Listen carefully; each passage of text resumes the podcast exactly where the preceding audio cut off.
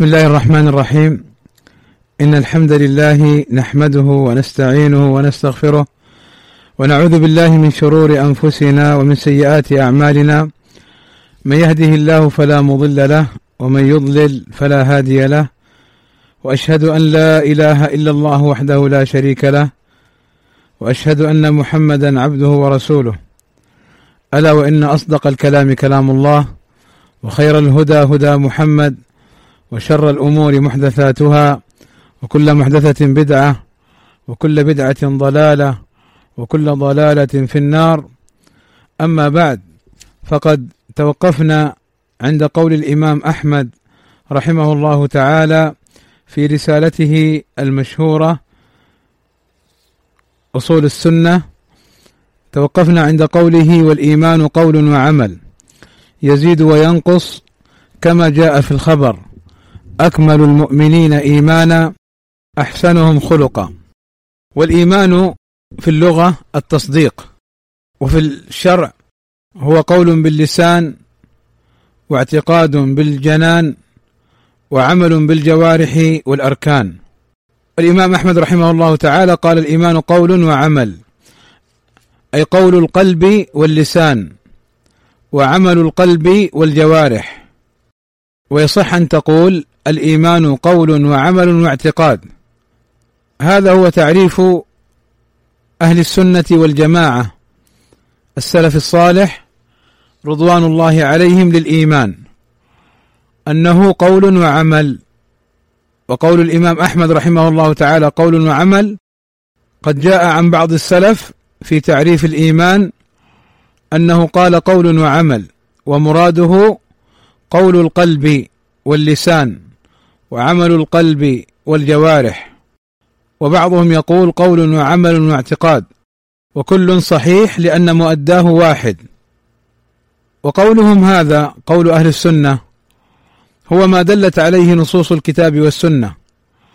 لذلك الإمام أحمد رحمه الله تعالى قال يزيد وينقص. أي أن الإيمان يزيد. بماذا يزيد؟ بالطاعة. والعمل الصالح وبماذا ينقص؟ بالمعصية. قال الإمام أحمد رحمه الله تعالى كما جاء في الخبر أي في الحديث وهو قول النبي صلى الله عليه وسلم أكمل المؤمنين إيمانا أحسنهم خلقا. ووجه الاستدلال بهذا الحديث أن النبي صلى الله عليه وسلم ذكر أن المؤمنين يتفاضلون في الإيمان. وأن أكملهم هو من اتصف بحسن الخلق. أكمل المؤمنين إيمانا أحسنهم خلقا. وقد جاء في الحديث عن النبي صلى الله عليه وسلم أنه قال إن الرجل ليدرك بحسن الخلق درجة الصائم القائم. فحسن الخلق من الأعمال التي تزيد في الإيمان. وإذا كان المؤمنون يتفاضلون في إيمانهم دل هذا على أن الإيمان يزيد وينقص. فإذا زاد نقص. والله عز وجل قد ذكر في آيات أن المؤمنين يزدادون إيمانا ويزداد الذين آمنوا إيمانا. قال أهل العلم قال أهل الحديث إذا زاد نقص. إذا زاد الإيمان نقص. العمل من الإيمان. هذا مذهب أهل السنة والجماعة. وأهل السنة والجماعة كما سبق يقولون إن الإيمان لا يزيد وينقص. وفي هذا هم يخالفون الخوارج. فإن عندهم الإيمان لا يزيد ولا ينقص. لأن المسلم إذا وقع في كبيرة فإنه يكفر ويخرج من الإسلام. فاذا هذا فرق واضح جلي بين مذهب أهل السنة والجماعة السلف الصالح ومذهب الخوارج الذين يكفرون بمجرد فعل المسلم للكبيرة. فعندهم أي الخوارج أن الإيمان لا يزيد ولا ينقص. يقولون إذا نقص بعضه ذهب كله. هكذا قالوا قبحهم الله معرضين عن أدلة الكتاب والسنة معملين لعقولهم وآرائهم الفاسدة في النصوص الشرعية. يزيد وينقص عند أهل السنة والجماعة السلف الصالح يزيد بالطاعة وينقص بالمعصية. وهناك طائفة أخرى مقابلة للخوارج. وهم المرجئة الذين يقولون إن العمل ليس من الإيمان فلا يضر مع الإيمان ذنب فالإيمان عندهم شيء واحد فإيمان الفاجر كإيمان أبي بكر وجبريل قبحهم الله فيما ذهبوا إليه ومذهب المرجئة مذهب خبيث قد بين السلف الصالح ضلاله وانحرافه عن الحق والسلفيون بحمد الله تعالى يحاربون المذهبين يحاربون مذهب الخوارج ويحاربون مذهب المرجئة ومن يحاول إلصاق الإرجاء بالسلفيين فهم الحداديون قبحهم الله ومن أبرز العلماء الذين يطعنون فيهم أي يطعن الحدادية فيهم عالمين جليلين أما أحدهما فمحدث العصر وذهبي هذا الدهر الإمام العلامة محمد ناصر الدين الألباني رحمه الله تعالى رحمة واسعة وهو من الإرجاء بعيد وهو من مذهب السلف وقولهم ومنهجهم أصل أصيل بحمد الله تعالى نحسبه كذلك ولا نزكي على الله أحدا. وأما العالم الثاني فهو ابن تيمية عصره وابن باز دهره والعالم البصير الناقد النحرير شيخنا الإمام العلامة ربيع بن هادي المدخلي حفظه الله تعالى وسدده فإنه والله لا نحنث إن قلنا إن الله عز وجل قد ثبت به المنهج السلفي في هذا العصر فهو رجل جبل حمى الله عز وجل به بعد فضله ومنه وكرمه حمى به هذا المنهج السلفي وكان جبلا شامخا في وجه أعدائه رد عليهم وبين ضلالهم وانحرافهم ولا زال حفظه الله ومتعنا الله بصحته وبعلمه وبفقهه لا زال إمام عصره ونحرير دهره حفظه الله تعالى. وما يطعن فيه إلا رجل مبتدع ضال أو جاهل أحمق لا يعرف ما يقول. فالسلفيون تجتمع كلمتهم بفضل الله عز وجل على الثناء على هذين العالمين الإمامين الألباني وربيع المدخلي والحداديه تجتمع كلمتهم قبحهم الله أينما كانوا تجتمع كلمتهم على الطعن في هذين الإمامين فكان فرقا فكان فرقا بين السلفية والحدادية هذين الإمامين رحم الله الألباني وحفظ الله شيخنا الإمام ربيع بن هادي المدخلي وثبته ونصره على أعدائه. وإني أشهد الله عز وجل على محبته وعلى إمامته في هذا الدين. اذا هؤلاء المرجئة قبحهم الله يقولون إن إيمان الفجار من المسلمين كإيمان أبي بكر وكإيمان جبريل. لماذا؟ لأن الإيمان عندهم جزء واحد لا يزيد ولا ينقص. أما أهل السنة وأدلتهم على ما يقولون كثيرة ومتضافرة يقولون الإيمان يزيد وينقص يزيد بالطاعة وينقص بالمعصية. والمرجئة من الفقهاء يقولون إن الإيمان قول باللسان واعتقاد بالقلب وأما العمل كما سبق فخارج عن مسمى الإيمان. وأما الجهمية فالإيمان عندهم التصديق بالقلب أو معرفة القلب فقط. وعلى قولهم فإبليس مؤمن قبح الله أقوال أهل البدع والضلال فلا شك أنها أقوال باطلة تخالف الأدلة الشرعية الواردة في ذلك. لذلك نص الإمام أحمد رحمه الله تعالى أن الإيمان قول وعمل يزيد وينقص. كما جاء في الخبر أكمل المؤمنين إيمانا أحسنهم خلقا. أيضا قول النبي صلى الله عليه وسلم الإيمان بضع وسبعون شعبة أعلاها لا إله إلا الله وأدناها إماطة الأذى عن الطريق. فبين النبي صلى الله عليه وسلم أن الإيمان شعب أي أجزاء وأن أعلى هذه الأجزاء هي لا إله إلا الله وأن أدناها إماطة الأذى من الطريق. فدل هذا على أن الإيمان يزيد وينقص. وقد بوب البخاري رحمه الله تعالى في كتاب الإيمان أبواب كثيرة تدل على أن العمل من الإيمان.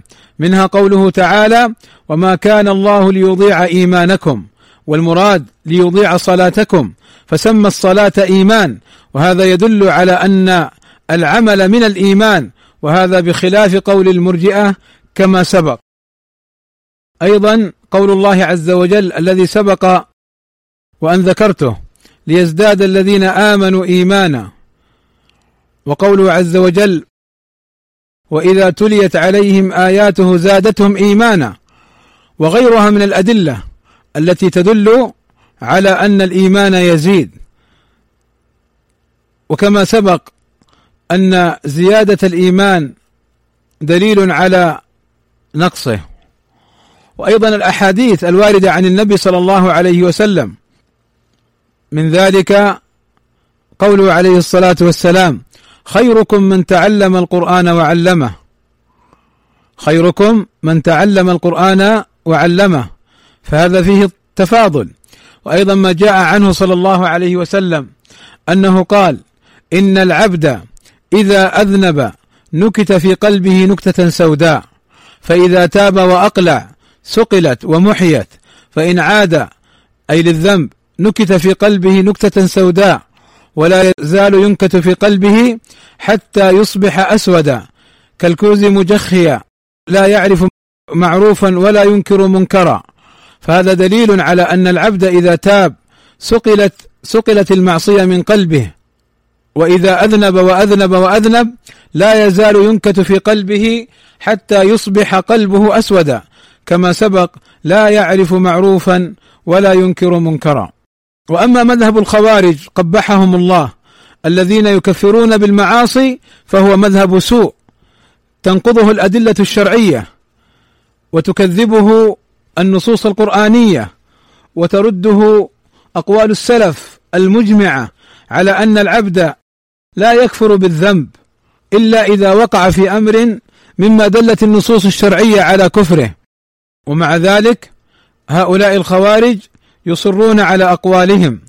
أتي برجل شاربا للخمر فسبه بعض الصحابة لأنه جلد ثم جلد ثم جلد فلما جيء به بعد أن تكرر جلده على شربه للخمر سبه بعض الصحابة فقال النبي صلى الله عليه وسلم لا تلعنه إنه يحب الله ورسوله.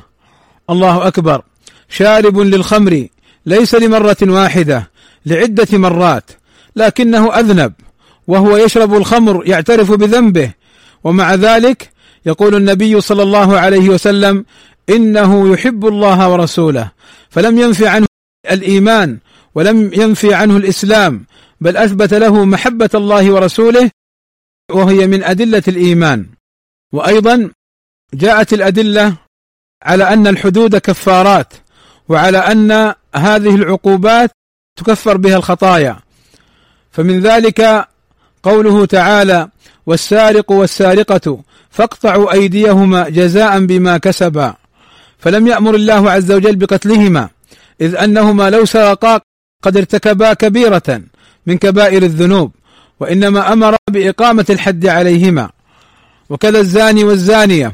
وأما قوله صلى الله عليه وسلم لا يزني الزاني حين يزني وهو مؤمن ولا يسرق السارق حين يسرق وهو مؤمن فمعناه عند أهل العلم أنه ليس بكامل الإيمان. وكما جاء في بعض الروايات أن الزاني إذا زنى يخرج الإيمان ويرتفع الإيمان فوق رأسه كالظلة. فيكون معنى الحديث فيكون معنى الحديث لا يزني الزاني حين يزني وهو كامل الإيمان. والأدلة الدالة على عدم كفر مرتكب الكبيرة كثيرة وكثيرة جدا. ومنها قوله تعالى إن الله لا يغفر أن يشرك به. ويغفر ما دون ذلك لمن يشاء. فالله عز وجل توعد أنه لا يغفر لمن أشرك به ويدخل في الشرك الكفر ولم يتوعد بعدم المغفرة لمن وقع في الذنوب. بل عموم قوله تعالى ويغفر ما دون ذلك ما هو الذي دون الشرك والكفر؟ إنها الكبائر والذنوب. فإن الله عز وجل يقول ويغفر ما دون ذلك لمن يشاء. بل تأملوا بارك الله فيكم. الحديث القدسي العظيم الذي ثبت عن النبي صلى الله عليه وسلم أن الله تعالى يقول يا ابن آدم لو لقيتني بقراب الأرض خطايا أي بما يملأ الأرض خطايا ثم لقيتني لا تشرك بي شيئا لغفرت لك ولا أبالي. فالله عز وجل يغفر لعبده المؤمن الموحد إن شاء سبحانه وتعالى ولو أتاه بخطايا تملأ الأرض. وهؤلاء يقولون بذنب واحد يكفر ويرتد ويخرج من الدين. فلا شك أن هؤلاء الخوارج قوم سوء. ومن هؤلاء الخوارج الدواعش الذين يكفرون أهل الإسلام ويتركون أهل الأوثان. ومن هؤلاء الخوارج تنظيم القاعدة. الذين يكفرون بالذنوب ويكفرون العلماء والحكام. ومن هؤلاء الخوارج هؤلاء الإرهابيون الذين يعتقدون حل دماء المؤمنين ويكفرونهم حكاما وشعوبا. ومن هؤلاء الخوارج أيضا الحدادية. فإن الحدادية بارك الله فيكم الحدادية قوم سوء. هم نبتة وفصيل من فصيل التكفيريين. ينبغي أن نحذرهم وأن نحذر منهم وأن نبين حالهم للناس. الحدادية هؤلاء يفتون الدواعش بما هم عليه من منهج ويؤيدونهم. قبح الله الخوارج على اختلاف أسمائهم ومشاربهم ونصر الله أهل السنة أينما كانوا وحلوا الذين يدعون إلى الحق وبه يعملون. ثم قال الإمام أحمد رحمه الله تعالى ومن ترك الصلاة فقد كفر وليس من الأعمال شيء تركه كفر إلا الصلاة من تركها فهو كافر وقد أحل الله قتله.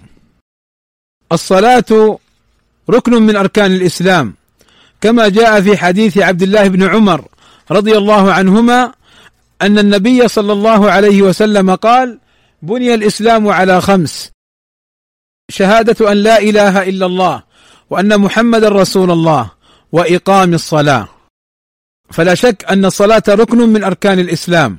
قال الإمام أحمد ومن ترك الصلاة فقد كفر وهذا قول عند أهل السنة. ولكن قبل أن أبين أقوال أهل السنة فلا بد أن نعلم أن أهل السنة والجماعة اتفقوا على أن من ترك الصلاة جاحدا لوجوبها منكرا لوجوبها ممن يعلم ذلك وممن يعيش بين المسلمين فإنه كافر لأنه أنكر أمرا معلوما من الدين بالضرورة. وأما من ترك الصلاة وهو ليس بجاحد لها بل يصليها أحيانا ويتركها أحيانا وهو مؤمن بوجوبها معترف بذنبه فهذا لأهل السنة فيه قولان. القول الأول أنه كافر والقول الثاني أنه ليس بكافر بل مذنب ناقص الإيمان. فهذان قولان لأهل السنة. قول يقول بالكفر ومن أدلته قوله عليه الصلاة والسلام العهد الذي بيننا وبينهم الصلاة فمن تركها فقد كفر. وقوله صلى الله عليه وسلم بين العبد والكفر أو الشرك ترك الصلاة. فاستدل أهل السنة بعموم هذه الأحاديث على أن ترك الصلاة كفرا. وأما القول الثاني فانهم يقولون نعم من تركها جاحدا لوجوبها من تركها منكرا لوجوبها من تركها يدخل في عموم هذه الأحاديث ولكن من صلاها وتركها وهو مؤمن بها وبوجوبها فإنه ناقص الإيمان. ومن أدلة من يقول بالتكفير قوله تعالى فإن تابوا وأقاموا الصلاة وآتوا الزكاة فإخوانكم في الدين فدل هذا على أن الصلاة من الأمور الدالة على أنهم إخواننا في الدين. وأما ما جاء عن بعض السلف مما ذكره الإمام أحمد رحمه الله تعالى أنه قال وليس من الأعمال شيء تركه كفر إلا الصلاة. من تركها فهو كافر وقد أحل الله قتله. هذا جاء عن عبد الله بن شقيق. قال كان أصحاب محمد ليس عندهم شيء من الأعمال تركه كفر إلا الصلاة. وهذا الأثر حجة لأهل السنة على قولهم الأول. ولكن كما سبق القول الثاني هو قول لأهل السنة. فمن أطلق القول بأن من يقول تارك الصلاة ليس بكافر تاركها تهاونا وكسلا ليس بكافر. من أطلق القول في هذا بأن من قال به فهو من المرجئة فهذا قول باطل لأن هما قولان لأهل السنة.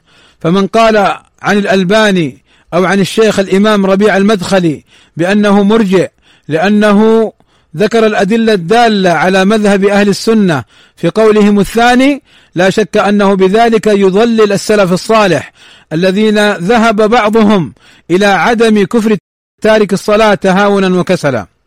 وأما أثر عبد الله بن شقيق فقد بين شيخنا الإمام ربيع بن هادي المدخلي في مقالات له في سحاب في رده على الحدادية بين فقه هذا الأثر. من ذلك وهذا من دقيق فقهه واستنباطه حفظه الله تعالى ورعاه. أعني شيخنا الإمام ربيع المدخلي. قال قول عبد الله بن شقيق كان أصحاب محمد. قوله كان أصحاب محمد. عبد الله بن شقيق لم يدرك جماعة من الصحابة كثيرة إنما أدرك دون العشرة ربما سبعة من الصحابة. فليس قوله نقلا لإجماع الصحابة. فهذه نكتة دقيقة وفائدة جليلة. أقام الدليل عليها شيخنا الإمام ربيع بن هادي المدخلي حفظه الله تعالى في تلك المقالات التي بدد فيها ويعني فند فيها شبه الحدادية وبين الحق المبين الذي دلت عليه نصوص الكتاب والسنة وأقوال السلف الصالح رضوان الله عليهم. اذا وليس من الأعمال شيء تركه كفر إلا الصلاة، يعني لو ترك مثلا الصيام ليس بكافر، لو ترك مثلا الزكاة ليس بكافر، لكن مذنب معرض للعقوبة متوعد بالعذاب هذه قضية أخرى. وإنما هل يكفر أو لا؟ عموما أهل السنة والجماعة لهم في هذه المسائل أقوال. وقد ذكرها أيضا شيخنا الإمام ربيع المدخلي في مقالاته السابقة. والذي يهمنا الآن أن نذكر أن مع مذهب الإمام أحمد ومن ذهب إليه من السلف هناك مذهب آخر وهو رواية عن أحمد أنه لا يكفر تارك الصلاة تهاونا وكسلا. فقال من تركها فهو كافر وقد أحل الله قتله. وهنا ننبه على مسألة مهمة وهي لما تأتي أقوال العلماء أن هذا العمل كفر وأن فاعله حلال الدم لا يعنون بهذا أن كل من هب ودب يقيم هذا الحد. ويذبح الناس ويقتلهم ويقول أنا أقيم عليهم الحدود لأنهم كفار هذا خطأ.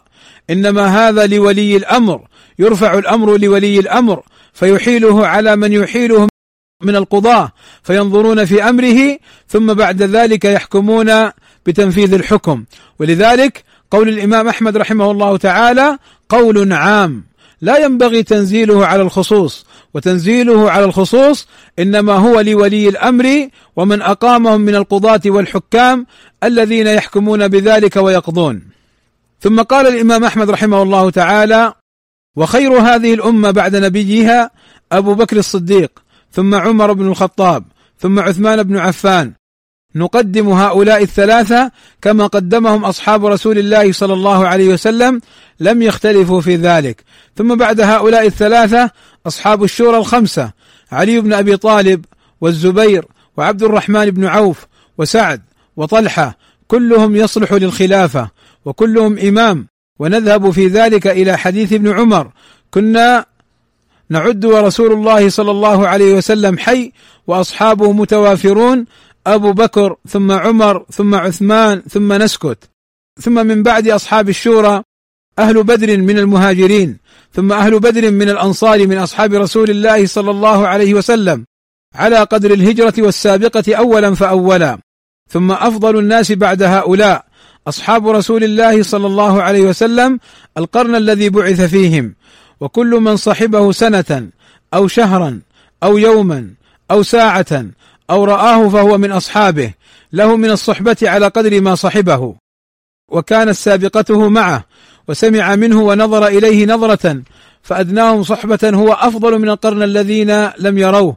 ولو لقوا الله بجميع الأعمال كان هؤلاء الذين صحبوا النبي صلى الله عليه وسلم ورأوه وسمعوا منه ومن رآه بعينه وآمن به ولو ساعة أفضل لصحبتهم من التابعين ولو عملوا كل أعمال الخير.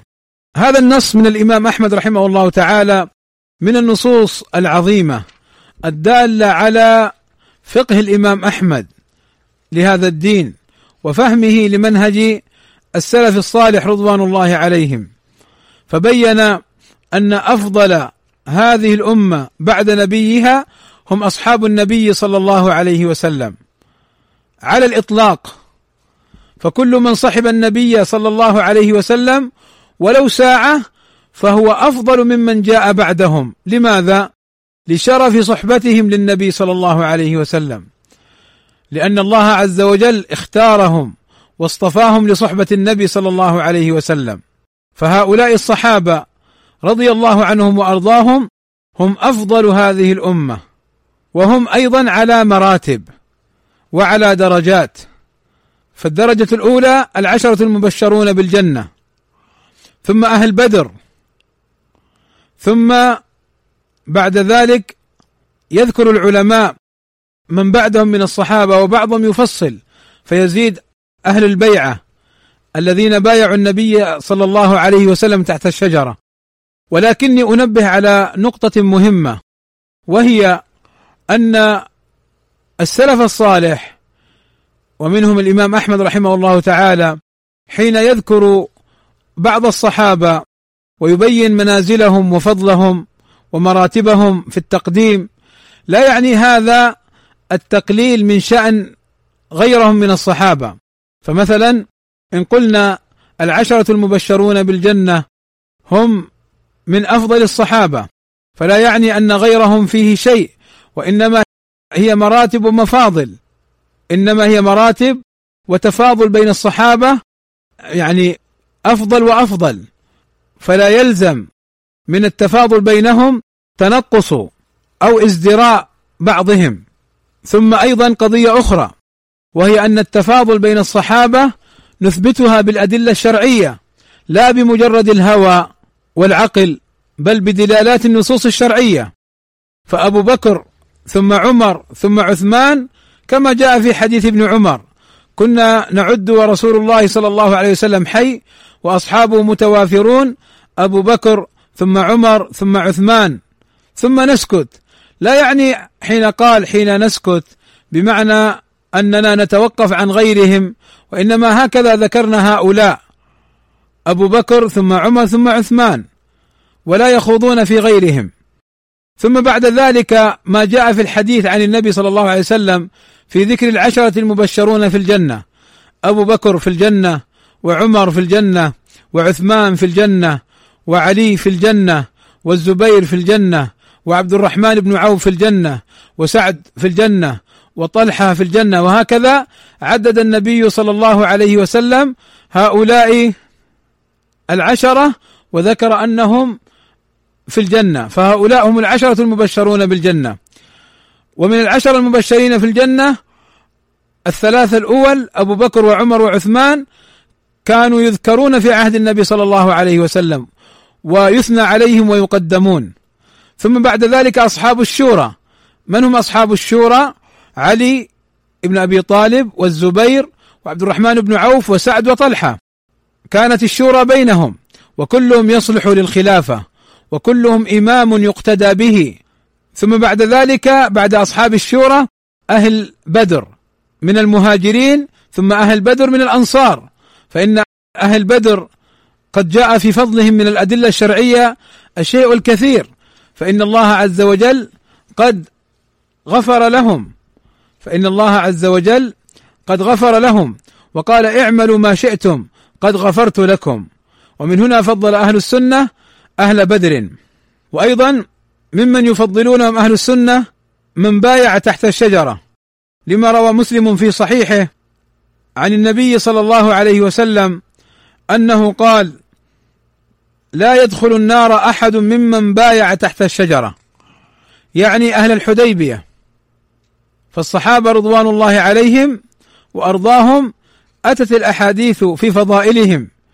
ونحن في هذه الأيام وفي هذا العصر بحاجة لقراءة الأحاديث الواردة والآثار الواردة عن السلف في فضل الصحابة ومعرفة منازلهم ومكانتهم وإمامتهم في الدين رضي الله عنهم وأرضاهم مثل هؤلاء الذين يصلحون للشورى وكلهم إمام كما ذكر الإمام أحمد رحمه الله تعالى. قال الإمام أحمد ثم أفضل الناس بعد هؤلاء أصحاب رسول الله يعني بعد هؤلاء الذين ذكرهم أبو بكر وعمر وعثمان ثم علي والزبير وعبد الرحمن بن عوف وسعد وطلحة ثم أهل بدر من المهاجرين والأنصار أفضل الناس بعد هؤلاء أصحاب رسول الله القرن الذي بعث فيهم صلى الله عليه وسلم. ثم قال الإمام أحمد وكل من صحبه سنة. الصحابي هو من لقي النبي صلى الله عليه وسلم مؤمنا به ومات على ذلك. هو من لقي النبي صلى الله عليه وسلم مؤمنا به ومات على ذلك فهو من الصحابة. قال أهل العلم ولو تخلل ذلك شيء من الردة ثم مات مؤمنا فإنه صحابي تثبت له مكانة وشرف الصحبة. فقال الإمام أحمد وكل من صحبه سنة أو شهرا أو يوما أو ساعة أو رآه يعني ولو للحظة فهو من أصحابه. وإذا كان من أصحابه فيثبت له شرف الصحبة ويحرم الطعن فيهم ويحرم ازدراؤهم أو تنقصهم أو عيبهم أو تنزيل النصوص الواردة في الفتن فيهم أو عليهم. فإن هذا كله من تنقص أصحاب رسول الله صلى الله عليه وسلم. والنبي صلى الله عليه وسلم يقول إذا ذكر أصحابي فأمسكوا. إذا ذكر أصحابي فأمسكوا. يعني لا تخوضوا في أمر يؤدي إلى الطعن في أصحابي. لماذا؟ لأنهم شرفهم الله سبحانه وتعالى بصحبة النبي صلى الله عليه وسلم. ولأنهم قد نقلوا هذا الدين لمن بعدهم. ولأنهم أصحاب محمد صلى الله عليه وسلم الطعن فيهم طعن في النبي صلى الله عليه وسلم.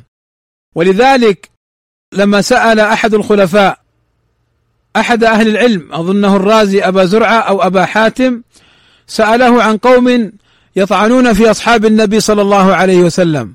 فقال في كلام معناه هؤلاء زنادقة لم يستطيعوا أن يطعنوا في النبي صلى الله عليه وسلم فطعنوا في أصحابه. فطعنوا في أصحابه. ف فالطعن في أصحاب النبي صلى الله عليه وسلم طعن في النبي صلى الله عليه وسلم.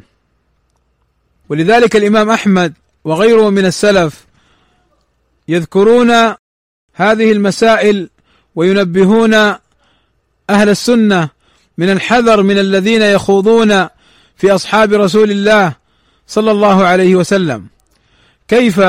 والنبي صلى الله عليه وسلم كما في البخاري ومسلم يقول لا تسبوا أصحابي فوالذي نفسي بيده لو أنفق أحدكم مثل أحد ذهب ما بلغ مد أحدهم ولا نصيفة.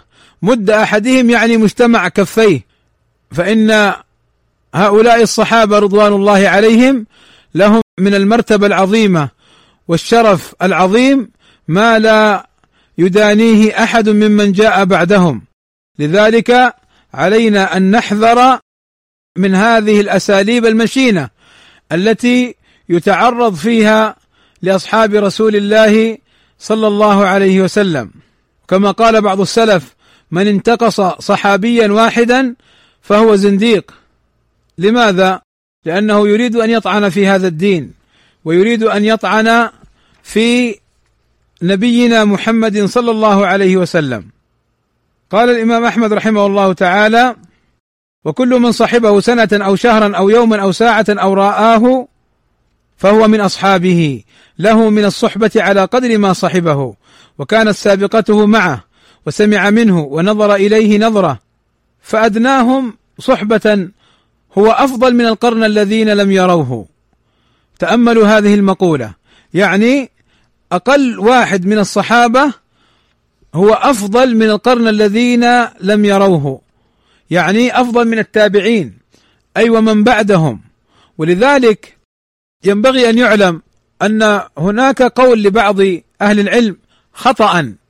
لم يتفطن للحكمة التي ذكرها الإمام أحمد، ماذا يقول؟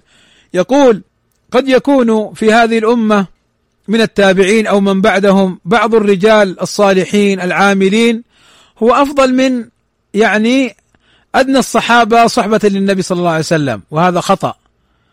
وإنما قول أهل السنة أن أقل رجل صحب النبي صلى الله عليه وسلم مدة هو أفضل من الذين جاءوا من بعدهم إلى أن تقوم الساعة. فإن الصحابة رضوان الله عليهم لا يدانيهم أحد. بسبب صحبتهم للنبي صلى الله عليه وسلم. ثم قال الإمام أحمد ولو لقوا الله بجميع الأعمال. يعني لو جاء التابعي فمن بعده وقد أتى بجميع الأعمال الصالحة.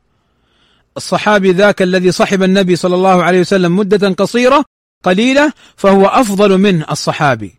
قال كان هؤلاء الذين صاحبوا النبي صلى الله عليه وسلم ورأوه وسمعوا منه ومن رآه بعينه وآمن به ولو ساعة أفضل لصحبتهم من التابعين ولو عملوا كل أعمال الخير. هكذا يقرر الإمام أحمد رحمه الله تعالى هذا المنهج السلفي في معرفة الصحابة وصحبتهم وبيان مكانتهم وفضلهم وشرفهم وأنهم أفضل ممن جاء بعدهم وأنه لا يطعن فيهم إلا إنسان يعني كما ذكر أهل العلم فيه زندقة ونفاق وأراد أن يطعن في النبي وفي هذا الدين فالصحابة رضوان الله عليهم هم أفضل هذه الأمة وأنبه إلى أمر مهم وقد مر معنا ولكن أذكره في ختام هذه الحلقة وهذا اللقاء الذي أسأل الله عز وجل أن يجعله لقاء مباركا وأن يكون في موازين أعمالنا. ما هو هذا التنبيه؟ هناك أشرطة للمدعو طارق سويدان وأشرطة لغيره يتعرضون فيها للفتن التي وقعت بين الصحابة رضوان الله عليهم. ويحاول في طارق سويدان وغيره أن يظهر بعض الصحابة بأنهم ظلمة أو أنهم لم يقيموا الحق أو أنهم أو أنهم فكل هذه الأشرطة حكم أهل العلم كابن عثيمين وغيره. بل هذا حكم السلف في أمثال هؤلاء أنها يحذر منها ويحذر منها. ولا يسمع لها وأن من سمعهم فهو آثم. كيف ترضى بأن تسمع لرجل يريد أن يتعرض لأصحاب رسول الله بالنقص؟ وكيف تسمع له؟ والرسول صلى الله عليه وسلم يقول إذا ذكر أصحابي فأمسكوا. وهذا لا يمسك يخوض في الفتن ويتكلم ويتكلم. مع العلم أن السلف الصالح رضوان الله عليهم وأهل السنة قاطبة قالوا ما وقع من الصحابة من خطأ فهو خطأ مغفور لهم مع حرصهم على الحق والوصول للحق.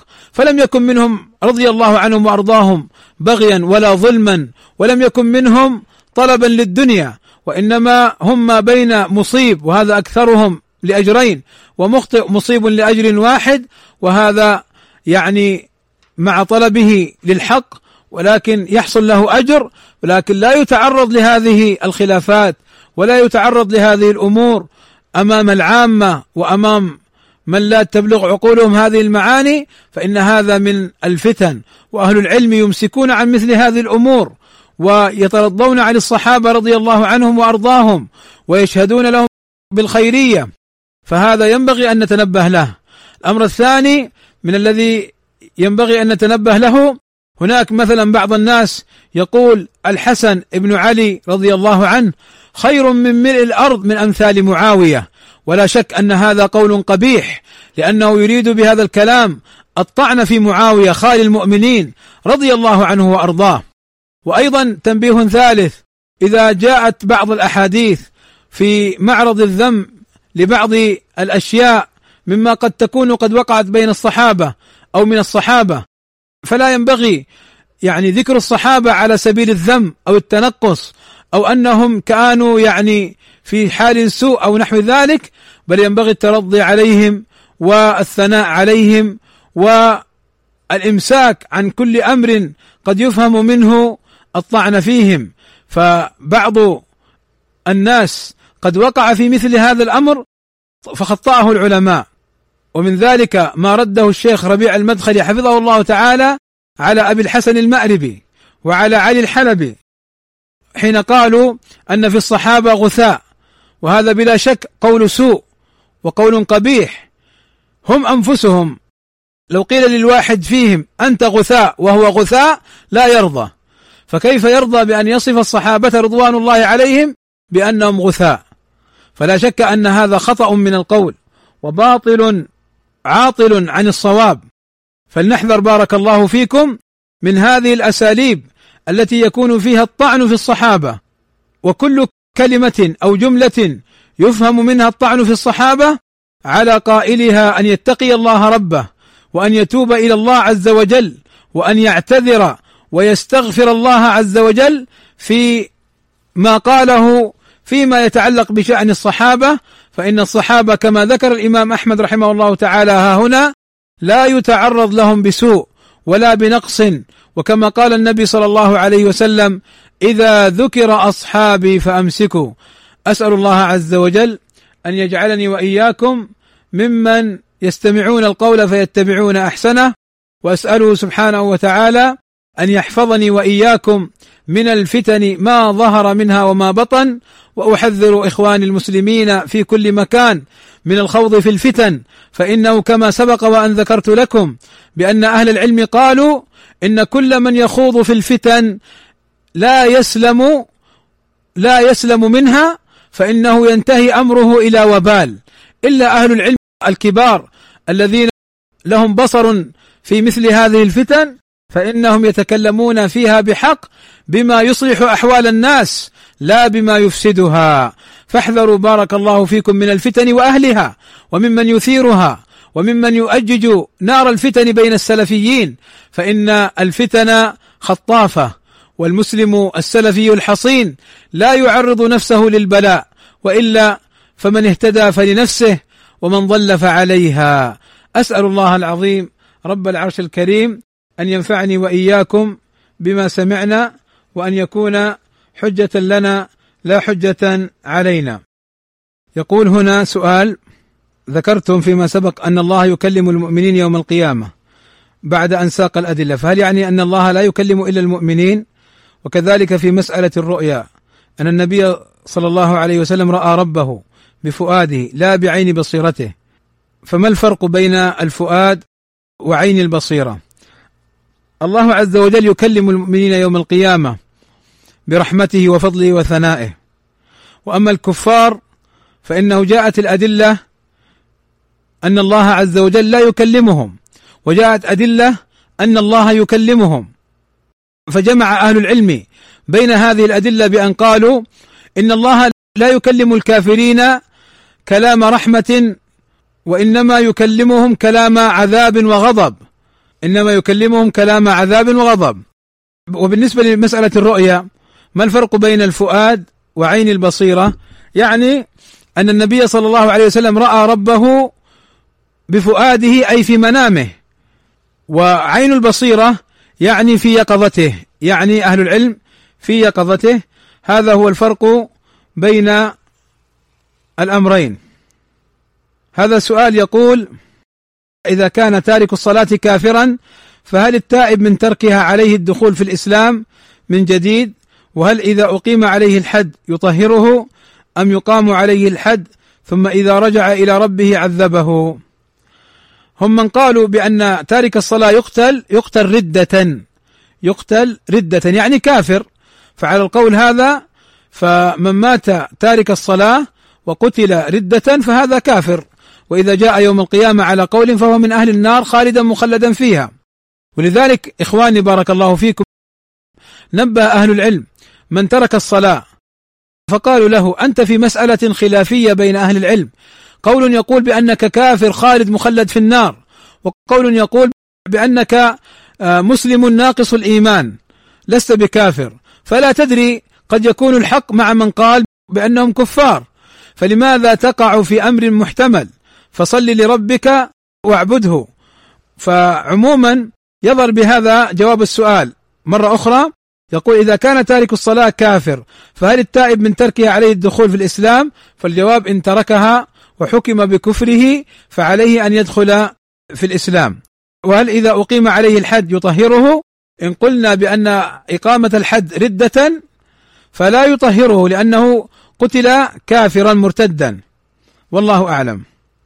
يقول هذا السؤال أخت تقول بأن زوجها يجبرها كلما انتهى نفاسها أن تحمل من جديد وحلف عليها أن لا تأخذ موانع حمل وتقول إن علاقتهما ليست طيبة وهو أحيانا يدعو عليها بالموت أو يتمنى لها أمراضا خبيثة ورغبته في حملها فقط لتنشغل عنه ويتفرغ لعلاقته السيئة. الطائشة والآن هي مريضة في رحمها ولم تسترجع عافيتها بعد ولادتها وهو يمنع عليها أخذ موانع الحمل. السؤال هل لها أن تأخذ مانع الحمل دون إذنه؟ الجواب عن هذا اولا قبل أن أجيب على هذا الزوج أن يتقي الله عز وجل في هذه الزوجة وأن يعاشرها بالمعروف وأن لا يؤذيها ونقول لهذا الزوج هل ترضى لابنتك أن يعاملها زوجها كذلك بمثل هذه المعاملة هل ترضى لأختك أن يعاملها زوجها بهذه المعاملة؟ هل ترضى هل ترضى من من قريباتك؟ والله لا يرضى المسلم الرجل العاقل بمثل هذا أبدا فشيء لا ترضاه على ابنتك ولا أختك ولا قريبتك فكيف ترضاه على امرأة قد أحلت لك بكلمة من الله عز وجل ولذلك الله عز وجل قد ذكرنا بهذا العقد وأنه موثق من الله عظيم. فعلى هذا الرجل وغيره من الأزواج أن يتقوا الله عز وجل في زوجاتهم وأن يعاملوهم بالمعروف وأن يحسنوا إليهم. وإن أبغض منها شيئا فإنه أكيد يجد عندها أشياء أخر تعجبه. فالمؤمن لا يفرك مؤمن مؤمنة كما قال النبي صلى الله عليه وسلم إن كره منها شيء سره غيره أو رضي منها غيره أو كما قال عليه الصلاة والسلام. ثم نعود لهذه المسألة وهي أن هذه المرأة تقول أن زوجها يجبرها على الحمل. فهنا ننظر إن كان حملها يؤذيها ويسبب لها الأمراض فلها أن تأخذ هذا المانع بلا إذنه. لعموم قوله صلى الله عليه وسلم لا ضرر ولا ضرار. لا ضرر ولا ضرار. وقد حكم أهل العلم في مثل هذه المسائل أن للمرأة أن تأخذ مانع الحمل ولو سألها زوجها أتأخذيه؟ فتقول له لا إن خافت أن يؤذيها ويعاقبها. فلها أن تأخذ لتحمي نفسها من هذا المرض الذي يعني يصيبها بسبب تكرار الحمل. وأما ما ذكرته في السؤال بأن هذا الرجل يدعو عليها بالموت أو يتمنى لها أمراضا خبيثة فلا شك أن هذا فعل شنيع وقول يدل على أن هذا الرجل نسأل الله عز وجل السلامة والعافية في يعني في معصية عظيمة. فإن النبي صلى الله عليه وسلم يقول خيركم خيركم لأهله وأنا خيركم لأهله. فينبغي لهذا الرجل أن يعف لسانه من الدعاء على زوجته. فإن النبي صلى الله عليه وسلم قال لا تدعوا على أنفسكم ولا تدعوا على أولادكم. وجاء في معنى الحديث أنه قد يستجاب لكم. أنه قد يستجاب لكم. فإذا دعوت عليها بالموت أو دعوت عليها بالمرض الخبيث وأصيبت ماذا تستفيد أيها الرجل؟ إن كرهتها فإما أن تعاشرها بالمعروف وإما أن تسرح سبيلها ولا تؤذيها فإن هذا ليس لك وأنت محاسب على هذا عند الله يوم القيامة. سيحاسبك الله عز وجل. وظلمك لزوجتك هو من الحقوق المبنية على المشاحة. بمعنى أنه يوم القيامة وهذا أمر لابد أن يتذكره كل مسلم ومسلمة ولا بد أن يعلموا الأدلة الشرعية في ذلك. ما هو هذا الأمر؟ هذا الأمر أن الذنوب التي يغفرها الله عز وجل للعبد هي الذنوب التي بينه وبين الله. فهذه تدخل في عموم قوله صلى الله عليه وسلم في من صام يوم عرفة أو صام المحرم أنه يكفر السنة الماضية أو السنة المقبلة أو نحو ذلك من الأدلة. وكذا من حج فلم يرفث ولم يفسق خرج من ذنوبه كيوم ولدته أمه. نعم هذه الذنوب التي بينك وبين الله. وأما الذنوب التي هي للعباد فهذه مبنية على الاقتصاص. يقتص بعضهم من بعض يوم القيامة. فهذه زوجتك بهذا التعامل أنت ظلمتها وآذيتها وتسبها وتدعو عليها فإن هذا كله مسجل عليك في كتابك وهذا كله محاسب عليه يوم القيامة عند الله عز وجل. لا تذهبوا مع الكفارات تلك بل حقوق العباد مبنية على المشاحاه ويوم القيامة ما في دنانير ولا فلوس ولا دراهم ولا دولارات ولا غيرها من النقود. إنما هي من الحسنات والسيئات. تأخذ من حسناتك فإن فنيت حسناتك أخذت من سيئاتهم ووضعت عليك. كما جاء في حديث النبي صلى الله عليه وسلم حين قال أتدرون من المفلس؟ قالوا المفلس فينا. من لا درهم له ولا دينار. فقال النبي صلى الله عليه وسلم إن المفلس من يأتي يوم القيامة بحسنات أمثال الجبال ويأتي وقد ضرب هذا وشتم هذا وأكل مال هذا وأخذ وقذف هذا وضرب هذا فيأخذ هذا من حسناته وهذا من حسناته. انظروا يأخذون من حسناته.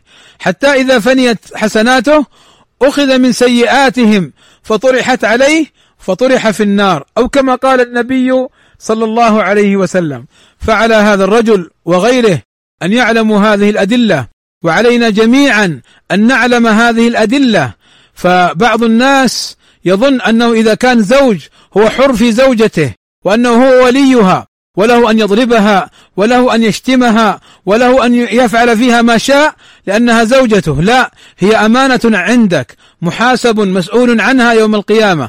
كذا أبناؤك وبناتك هم أمانة عندك. لا يجوز لك ضربهم ضربا مبرحا بلا سبب شرعي ولا يجوز لك أذيتهم بالحبس أو بالشتم بلا يعني عذر شرعي فإن الأب والأم مسؤولان عن ذلك عند الله يوم القيامة. وكذلك أيضا يعني مع كل أحد كل من آذيته فالمسألة على الاختصاص بينك وبينهم فعلينا أن نحذر من ذلك. فكل من ظلم الناس أو آذاهم وكل من تكلم عليهم بغير حق لا يظن أو يفرح أو يبطر أنه قد فعل وفعل وأنه تكلم فإن هذا الكلام سيحاسب عليه. إن كان حقا فقد أدى الحق الذي عليه. وإن كان باطلا من القول فيه تهمة للأبرياء ورميا وقذفا للأصفياء وابتلاء وامتحانا للأخيار فلا شك أنه سيحاسب عند الله. وأن عقوبته في الدنيا معجلة قبل الآخرة كما قال النبي صلى الله عليه وسلم ما من ذنب أجدر أن يعجل الله عقوبته في الدنيا قبل الآخرة من العقوق والبغي أي الظلم. والظلم والظلم للأبرياء بالضرب أو بالشتم أو بالقذف أو برمي التهم الكاذبة أو بتحميل كلام ما لا يحتمل كل هذا عند الله لا يضيع. أسأل الله عز وجل أن يقتص للمظلومين ممن ظلمهم في الدنيا قبل الآخرة إن لم يتوبوا ويرجعوا إلى الله عز وجل. كما أخبر النبي صلى الله عليه وسلم بأن الظلم عقوبته معجلة وصلى الله وسلم على نبينا محمد وعلى آله وصحبه أجمعين.